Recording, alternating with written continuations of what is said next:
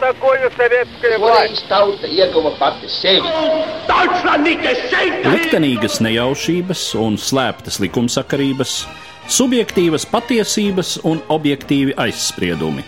Pēc atkušņa nekad nenāk uzreiz pavasars, bet sākās Arī šodien cilvēki ir ļoti tūredzīgi. Viņi redz to naudu, kas ir. Televīzijā jau pamatā notiek cīņa par varu. Pagātne no šodienas skatu punkta un šodienas caur pagātnes prizmu. Raidījumā šīs dienas acīm. Latvijas radio eterā Eduards Liniņš. Labdien, cienījamie klausītāji! 1956. gada februāra beigās Maskavā notika Padomju Savienības komunistiskās partijas 20. kongress. Pirmais kongress, kurā Padomju Savienības komunistisko partiju vada Nikita Hruščovs, līdz ar to vada visu padomju valsti. Un Droši vien šis kongress paliktu vēsturē kā kārtējais jubilejas, jo nu tā tad 20. ja ne notikums, kas pienāk pēdējā tā dienā, 25. februārī, kad Nikita Hruščovs uzstājas slēgtā kongresa sēdē ar savu slaveno referātu par Staļina personības kulta atmaskojumu. Mans sarunbiedrs studijā šodien ir profesors Ilgārs Butulis. Labdien! Labdien! Latvijas Universitātes centrālās un austrum Eiropas valstu vēstures katedras vadītājs. Runājot par šo notikumu, par šo Hruščova uzstāšanos, nu vispirms jau tas nenāk negaidīts kompartijas virsotnei, jo pirms tam ir diezgan ilgs process, kur rezultātā notiek šī Hruščova uzstāšanās. Kāda tajā brīdī ir tā spēku kombinācija padomju varas virsotnē? Mm, Uz 56. gadu faktiski jau Hruščovam ir pozīcijas vadošās, bet šīs vadošās pozīcijas nav nostiprinātas. Jo Hruščovs ir ticis galā laikā no 53. līdz 56. gadam ar diviem saviem nopietnākajiem pretiniekiem.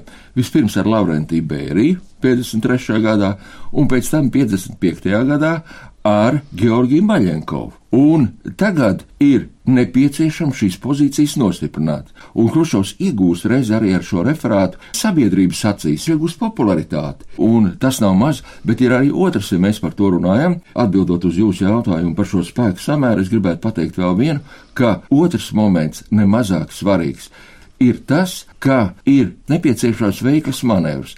Tātad kaut kā gan Hruščovam, gan, teiksim, daudziem viņa līdzbiedriem attaisnot, ja mēģināt palikt šo vainas momentu uz cilvēkiem, kur vairs nav starp dzīviem, tas ir uz Staļinu un uz Bēriju, un no otras puses tātad saglabāt šo partijas vadošo lomu, partijas autoritāti, atsaucoties uz Ļeņinu. Es teiktu, tie ir divi galvenie momenti saistīti ar šo referātu.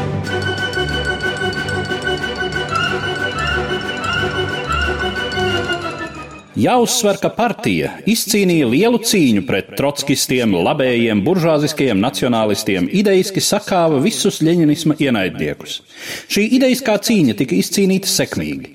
Tās gaitā partija vēl vairāk nostiprinājās un norūdījās, un te Staļinam bija sava pozitīvā loma. Partija izcīnīja lielu ideisku politisku cīņu pret tiem savās rindās, kas uzstājās ar antiļeņiniskām tēzēm, ar partijai un sociālismam naidīgu politisko līniju.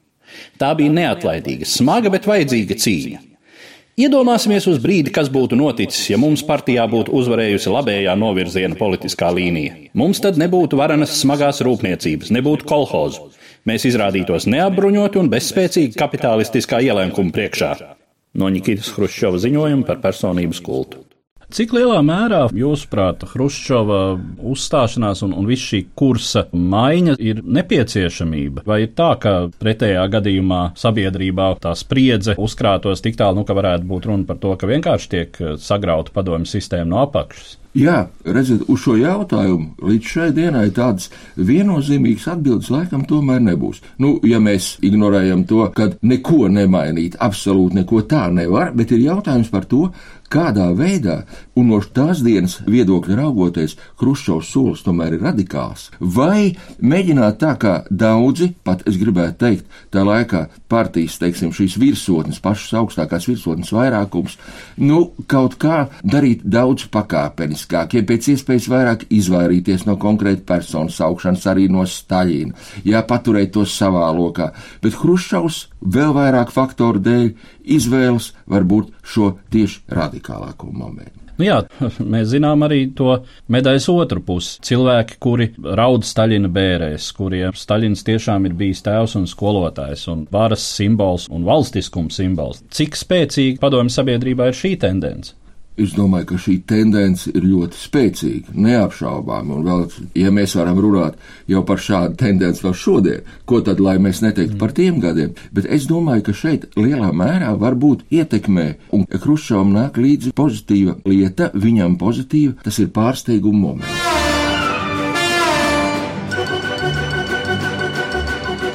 Reiz, kad es no Kijavas iebraucu Maskavā, Staļins mani atteicināja pie sevis un, rādot neilgi pirms tam Tito nosūtītas vēstules kopiju, noprasīja: Lasīja, un atbildi nesagaidījis, teica: Man atliek mazo pirkstiņu pakustināt, un nebūs vairs nekāda Tito.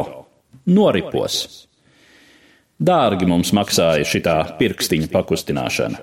Tāds paziņojums atspoguļoja Staļina lielumānī, jo tieši tā viņš arī darbojās.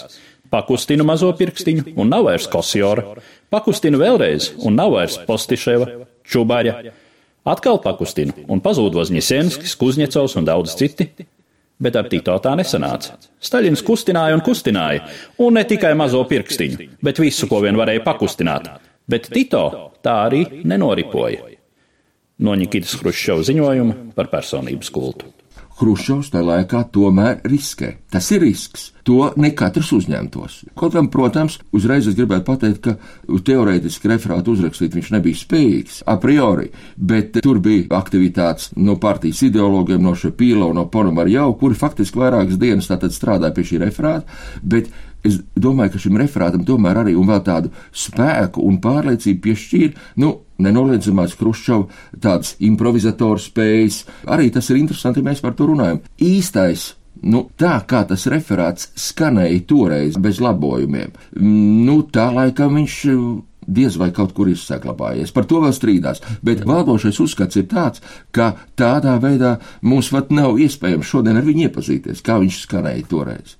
Te mēs varam veikt arī tādu diezgan interesantu ekskursu par šī teksta likteni. Kas tad notiek ar šo runas tekstu pēc tam, kad tas ir nolasīts? Visus kongresa materiālus publicē tobrīd padomi prese, ir milzīgi laukumi, kurus aizņem kongresa gaitas atstāsts, paša Hruščova referāts, šis atskaites ziņojums, kas aizņem milzīgus laukumus veselām lapusēm, pēc tam ir kongresa rezolūcija, kongresa vadlīnijas nākamās piecgadas plāna izpildē un tā tālāk un tā tālāk. Šis teksts, protams, nekur neparādās, tā kā sēde ir slēgtā.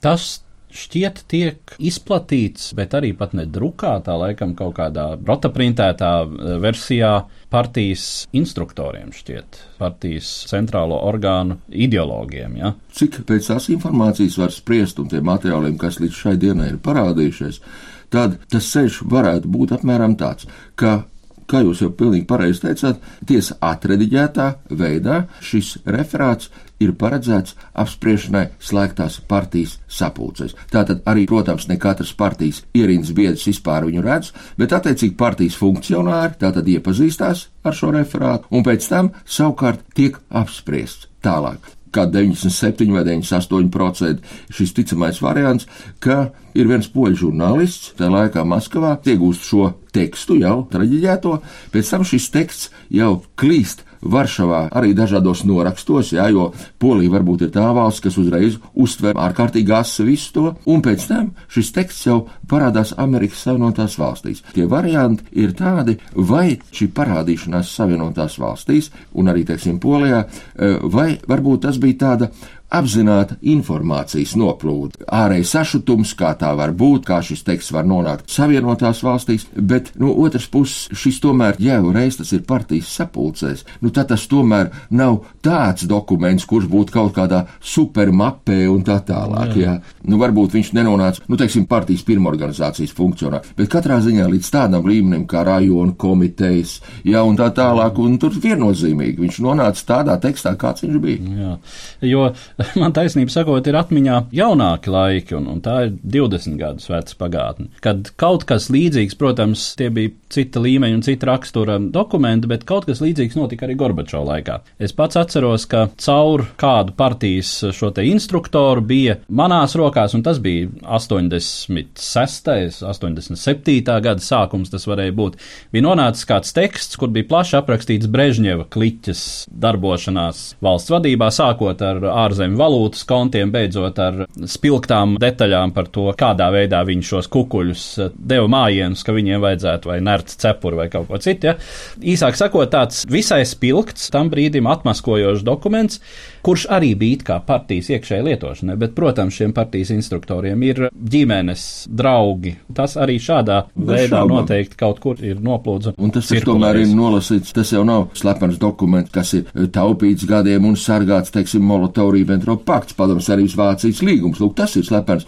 Bet šeit tomēr, kur simtiem cilvēku, simtiem, simtiem to dzird, tad tā slepenība jau pati, nu, tas ir drusku nosacīta. Tas ir interesanti un ļoti zīmīgi, es domāju, padomju sistēmu raksturojoši, ka mēs visi zinām par to, nu, runājam mājās, runājam virtuvē.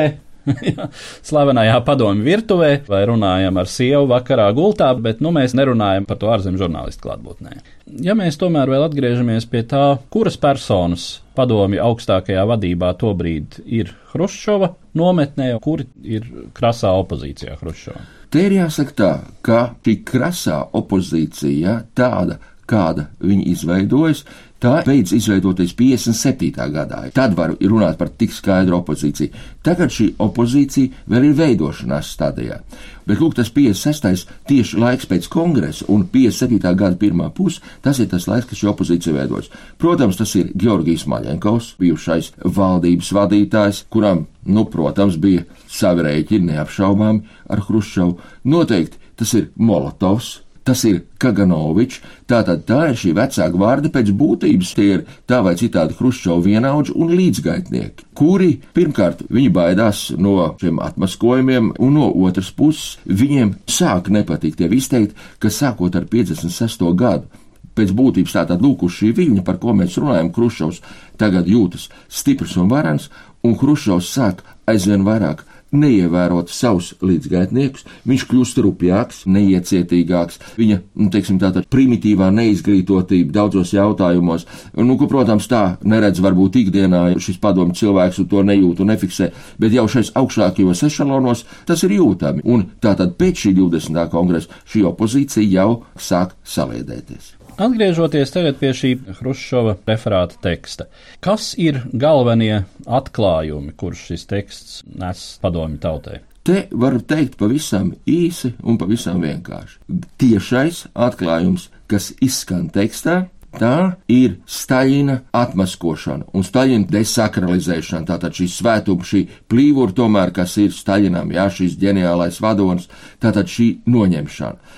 Un tas, ka Staļina šis laiks ir bijis raksturīgs ar ārkārtīgi nopietnām represijām, kas vīs cauri visam referātam. Un referātā mēs neatradīsim pēc būtības neko, vismaz tiešā tekstā tas nav pateikts, par represijām pret tautu. Ja represijas, teiksim, nu, kolektivizācijas laikā un tā tālāk miljonu bojā gājušie, iet runa par represijām pret komunistiem. Un pie tam arī tikai ar izlasi neiet runa, ka tās bija represijas pret Buhārinu, pret Trotski, jā. Tātad represijas pret komunistiem.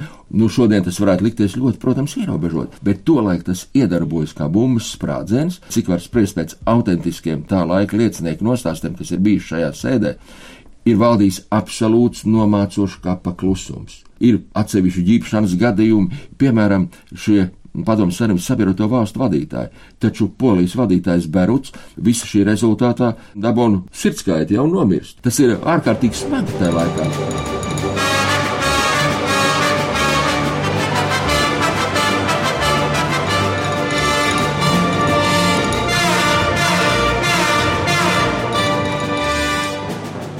Ir konstatēts, ka no 139 partijas centrālās komitejas biedriem un biedru kandidātiem, kuri tika ievēlēti partijas 17. kongresā, arestēti un nošauti galvenokārt 37. un 38. gadā 98 cilvēki, tātad 70%. Ir zināms, ka 80% 17. kongresa balstiesīgo dalībnieku bija iestājušies partijā revolucionārās pagrīdes cīņu un pilsoņu kara periodā, tātad līdz 1920. gadam. Pēc sociālā stāvokļa kongresa delegātu pamatmasu veidoja strādnieki - 60% balstiesīgo delegātu. Tāpēc bija pilnīgi neiedomājami, ka tāda sastāva kongress varētu ievēlēt centrālo komiteju, kurā vairākums izrādītos partijas ienaidnieki. Tāds liktenis piemeklēja ne tikai centrāla komitejas locekļus, bet arī vairumu 17. partijas kongresa delegātu. No 1966 kongresa delegātiem ar balstiesībām vai padomdevēja balstiesībām tika arestēti un kontrrevolucionāros noziegumos apsūdzēti vairāk nekā puse - 1108 cilvēki no Nikitas Hruščova ziņojuma par personības kultu. Ar Latviju ir tā diezgan interesanti šai ziņā, ka izskatās, ka šeit patiešām tā rezonance ir diezgan tāda neliela, atturīga un kāda varbūt ir Jā, tās īpatnības. Te mēs varētu runāt daudz. Jāsaka, šodien vēl dot tādus galīgus spriedumus būtu pāragri. Tur vēl ir jāpēt un jāpēt, bet varbūt tas redzējums, kāds būtu man, ka Latvijā, nu tas varbūt arī saistīts ir ar, nu, gan ar latviešu mentalitāti, gan ar Latvijas kā šīs tādas jaunas un republikas. Tas nenotiek tā kā varbūt Krievijā šīs partijas sapūtas, bet no otras puses ar 56. gadu, tātad arī ar šo kongresu un pēc kongresa, tas taču sakrīt ar nacionālu komunismu uzplaukumu laiku. Latvijā tam tā vai citādi nāk klāt šie nacionālie motīvi. Tātad drusku tāda kā nu, nu, nacionālā atzimšana, jā, tiesa tajā nacionālā komunisma izpratnē. Tad šeit mēs varam saskatīt tieši ar tādu latviešu piesardzību, bet tomēr notiek daudz kas interesants. Mēs jūtam, kā ceļš šis, teiksim, dzelzs priekškars. Sāk tiesa negribīgi un maz sāk runāt par latviešu emigrāciju. Paplašinās tēmas, ko līdz 56. gadam taču nevar runāt par sarkanajiem strēlniekiem latviešu nevar pieminēt latviešu komunistus pagātnē, tad tagad par to sāk runāt. Tātad arī šie nacionāli komunisti, viņi iegūst atkal it kā otro elpu, taču sāk runāt par šo situāciju, atsevišķi tādas, nu, mazas šīs literārās aktivitātes un sabiedriskās, bet ir bijis.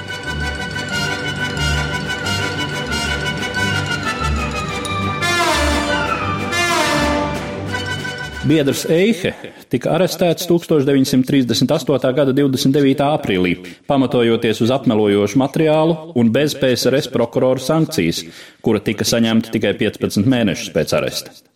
1939. gada 1. oktobrī Eihe nosūtīja Staļinam adresētu paziņojumu, kurā kategoriski noliedza savu vainu un lūdza ieviest skaidrību viņa lietā. Iesniegumā viņš rakstīja: Nav rūgtāku moku, kā sēdēt tās iekārtas cietumā, par kuru vienmēr esi cīnījies.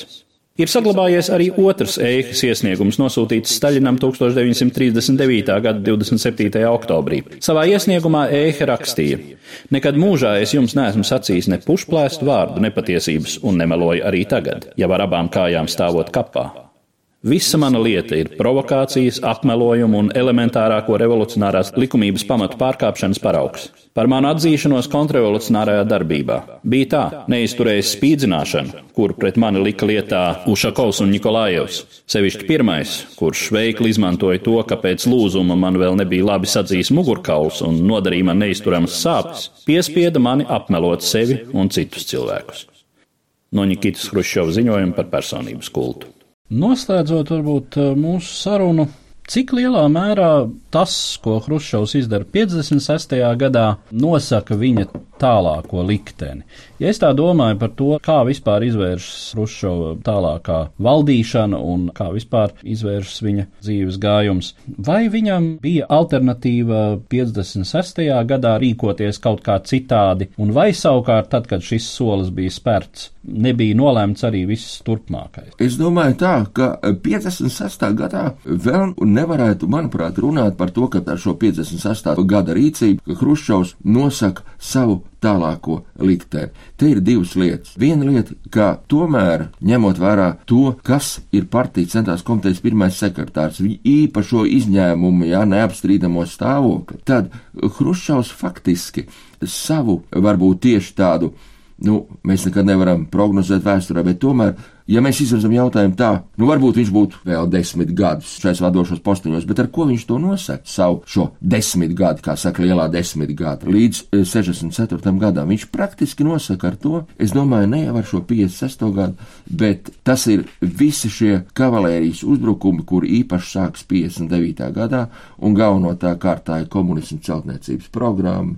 Tas ir tātad šīs vēršanās pret baznīcu, laukos pret eh, piemājas zemēm un tā tālāk. Un te ir tas viņa personības paradoks, ka no vienas puses 56. gadā viņš it kā tāds, nu varbūt liberāls, jā, kaut kur, bet tajā pašā laikā viņš aiziet uz tādām lietām, jau sākot ar 59. gadu, ko pats Staļins neatļāvās, un arī tieši no savas saglabāšanās viedokļa, kā partijas vadītājs. Ja tu balsties uz partijas aparātu, tad tagad pieņemt lēmumu, ka nepārtraukti notiks partijas kāda rotācija. Tātad, ko domā šie dažādi mērogi birokrāti partijas? Nu, Nikits Sergejevičs, nu kaut kas nav labi ar viņu. Viņš ir jāmaina. Šim cilvēkam absolūti nekonsekvents. Un otra lieta - savienība tāda, kā toreiz bija, nu šīs pretrunas bija neatrisināmas. Ja paliekot komunismu ietvaros, to dzīve pierādīja, jā, un pierādīja Padomus Savienībā, pierādīja vēlāk Čehoslovākijā un visi tie mēģinājumi. Paliekot komunismu tāda ietvaros, pretruns ir neatrisināms un viņam ir jāsabrūk. Paldies par sarunu! Mans sarunbiedrs studijā bija Latvijas Universitātes Centrālās un Austrumēropas valstu vēstures katedras vadītājs profesors Ilgvars Butulis.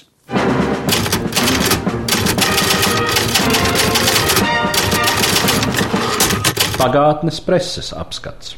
Padomju Latvijas prese savus lasītājus sāk sagatavot partijas 20. kongresam jau labu laiciņu iepriekš. Tā jau janvāra vidū laikraksts Padomju jaunatne publicē partijas direktīvu projektu nākamās piecgadas plāna izpildēji. Latvijas Padomju Socialistiskajai republikai šajā sarakstā paredzēti vairāki konkrēti uzdevumi, proti palielināt piecos gados visas rūpniecības koprodukciju apmēram 1,6 reizes, elektroenerģijas izstrādi apmēram 1,4 reizes, kūdras ieguvi 2,2 reizes, ādas apavu ražošanu 1,6 reizes, sviesta 1,3 reizes un zivju nozveju 2,7 reizes.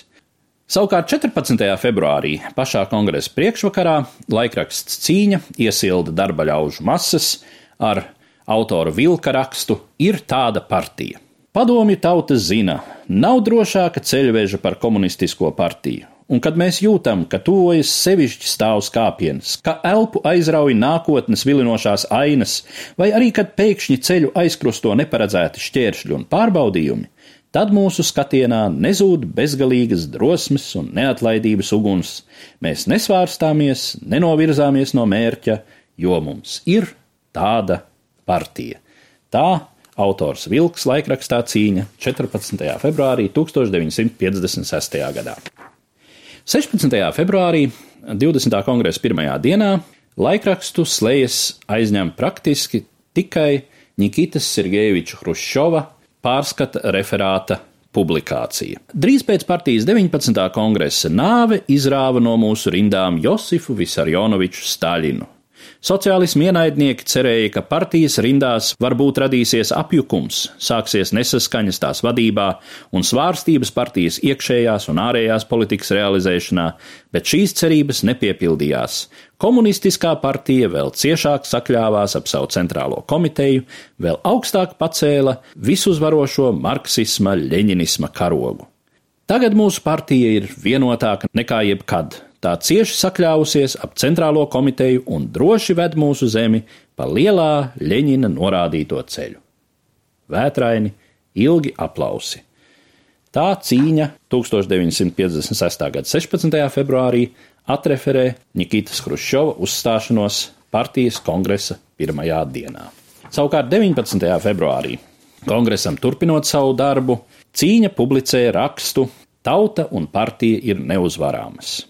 Spriegi un pacilāti šais dienās strādā Rīgas ostinieki. Tā raksta autors Ērglis. Pirms katras maiņas sākuma mehanizatori un krāvēji pulcējas grupās, lai kopīgi lasītu mīļotās komunistiskās partijas 20. kongresa materiālus. No rokas rokā iet laikraksti ar PSKP pirmā sekretāra biedra Nikitas Sergejeviča Hruščova referātu. Tajā ostinieki saskata savu domu un savu ilgu izpaudumu. Pienāk 26. februāris, diena, kurā notiek liktenīgā slēgtā sēde. Taču Latvijas PSR laikrakstos par šīs dienas darba gaitu kongresā liecina vien mazs rakstīns ar virsrakstu noslēguma sēde. Laikrakstā padomu jaunatni šī sēde atspoguļot šādi. 25. februārī Kremlī beidza savu darbu Padomju Savienības komunistiskās partijas 20. kongress. Noslēguma sēdē kongress vienprātīgi apstiprināja direktīvas par PSRS tautas saimniecības attīstības sesto piecgadu plānu 1956. un 1960. gadam. Kongress noklausījās balsu skaitīšanas komisijas priekšsēdētāja Biedra Gromova ziņojumu par partijas centrālo orgānu vēlēšanu rezultātiem, delegāti ilgiem aplausiem uzņem ziņojumu, ka partijas centrālie orgāni ir ievēlēti vienprātīgi, Biedrs Nikita Sergejevičs Hruščovs prezidija vārdā iesniedz izskatīšanai kongresa lēmumu projektu par partijas jaunās programmas sagatavošanu. Kongress vienprātīgi pieņem šo lēmumu. Sēdes vadītājs biedrs Nikita Sergejevičs Hruščovs paziņo, ka Padomju Savienības komunistiskās partijas 20. kongresa darba kārtība ir izskatīta un pasludina kongresu par slēgtu. Kongresa delegāti pieceļas un milzīgā pacelātībā dzied partijas himnu internacionāli. Zālē šalts vētrainas ovācijas, dzirdami saucieni, lai dzīvo Padomju Savienības komunistiskā partija, lai dzīvo Ļeņiniskā centrālā komiteja, lai dzīvo Ļeņinisms. Tajā pašā dienā laikraksts Padomi jaunatne publicē arī kongresa direktīvas 1956. un 1960. gadam.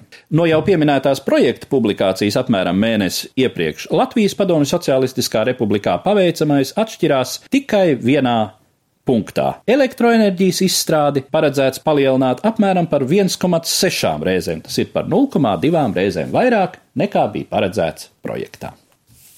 Atsauce uz kongresā notikušo Hruščova uzstāšanos ar Staļina personības kultu izvērtējumu atrodama žurnālā Padomi Latvijas komunists 1956. gada martā. Šeit ievadrakstā uzticība leņinismu karogam, cita starpā lasāms. Sevišķi svarīga teorētiska un praktiska nozīme ir kongresa norādījumam par personības lomas pareizu izpratni vēsturē. Šajā jautājumā kongresa rezolūcijā Par CK pārskata referātu teikts, kongress uzskata, ka centrālā komiteja pilnīgi pareizi vērsusies pret personības kultu, kura izplatīšana noniecināja partijas un tautas masu lomu, pazemināja kolektīvās vadības lomu partijā un nereti noveda pie nopietniem trūkumiem darbā, Citi padomi Latvijas preses izdevumi gan atsaucās uz kongresu lielākoties ar entuziastisku gatavību jauniem darba sasniegumiem. Tā padomi Latvijas kolhoznieks 1956. gada 3. numurā atsaucās uz kongresu ar rakstu vairāk cukurbiešu. PSKP 20. kongresa direktīvās par PSRS tautas saimniecības attīstības 6. piecgadu plānu noteikts, ka cukurbiešu koprodukcija piecgadē salīdzinot ar 55. gadu ir jāpalielina par 54%. Jaunajā piecgadē mūsu republikā cukura ražošana jāpalielina 2,8 reizes. Tas ir liels un atbildīgs uzdevums, un tā atrisināšanā ieinteresēti kā cukura patērētāji, tā arī cukurbiešu audzētāji. Tā padomi Latvijas kolhoznieks. Tomēr kolhoznieku entuziasms nevar mēroties ar padomju literatūras un mākslas darbinieku aizrautību. Laikraksts Literatūra un māksla 1956. gada 4. martā publicē rakstu pie darba biedri. Tauta nevar un negrib gaidīt 15 vai 20 gadus, līdz tai palīgā nāks daļradas meistaru iedzīvināti laika biedru tēli. Vienkāršais darba cilvēks labi zina, ka līdzās piemēriem, kur izcilas mākslas vērtības radušās ilgākā laika posmā, ir nemazums lielisku darbu, kas rakstīti pāris gados, pat pāris mēnešos. Lasītāju, skatītāju un klausītāju miljoni labi orientējas literatūras un mākslas jautājumos. Viņiem nav noslēpums, ka līdzās simtiem lapušu biezam romānam, epopējai, Dzīves īstenība ar lieliem panākumiem var atspoguļot stāsts un apraksts, dzējolis un lūga, un ka bez monumentālām simfonijām un operām ir vēl masu dziesmas un citi lieliski mazas formas darbi. Arī turpmāk spēkā paliks un aizvien skaļāk atskanēs visas padomi tautas prasība - literatūras un mākslas meistari, radiet patiesus, aizraujošus un saviļņojošus mūsu laika biedra tēlus, radiet tos pēc iespējas ātrāk, ne pēc desmit vai divdesmit gadiem, bet radiet tūlīt, vismaz sestajā piecgadē. Tā laikraksts literatūra un māksla. Par pagātni sarunājas Eduards Līniju.